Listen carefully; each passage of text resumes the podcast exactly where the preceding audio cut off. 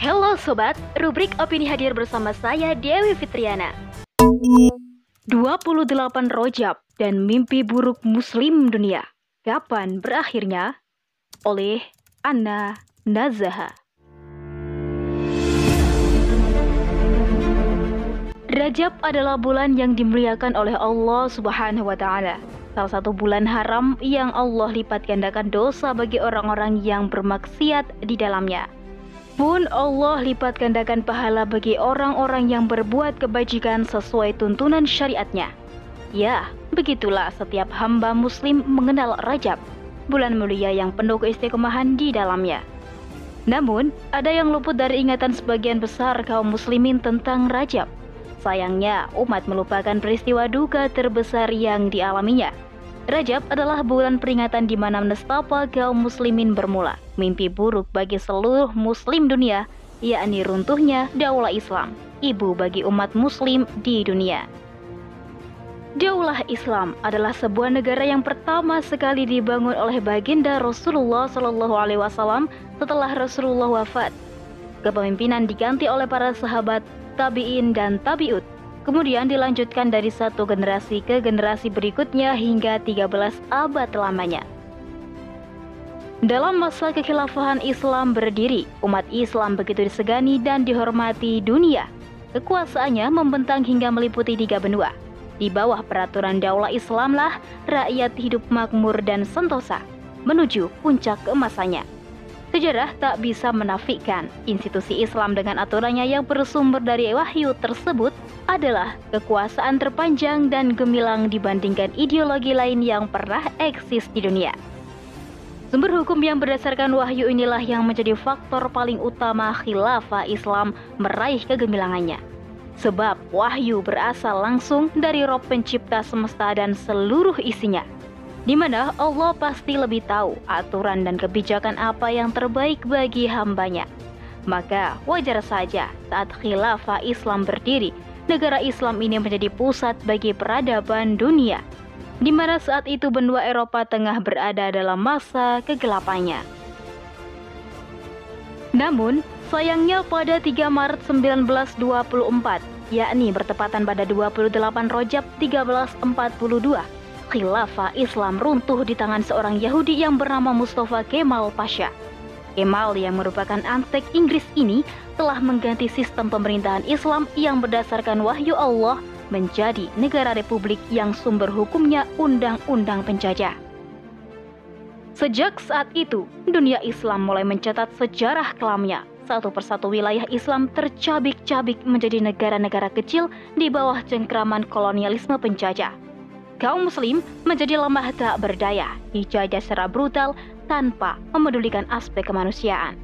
Kita bisa lihat bagaimana Palestina, Suriah, Gaza, Rohingya, dan Uighur Cina menjadi saksi kekejaman barat terhadap dunia Islam.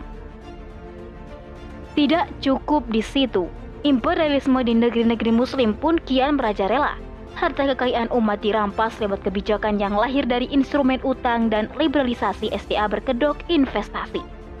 Di sisi lain, umat disekoki dengan pemahaman asobiah atau cinta golongan, dan nasionalisme menjadi sekat pemisah antar umat yang sejatinya bersaudara. Malang tak dapat ditolak.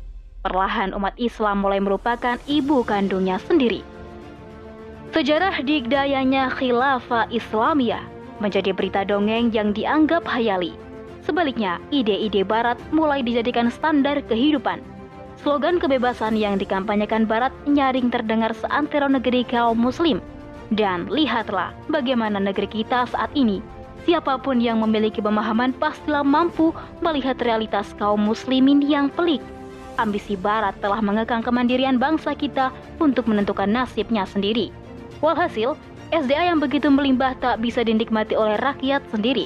Segenap kebijakan alih-alih membawa rakyat menuju kesejahteraan justru membuat rakyat pelarat hidup dalam mimpi buruk kemiskinan yang panjang.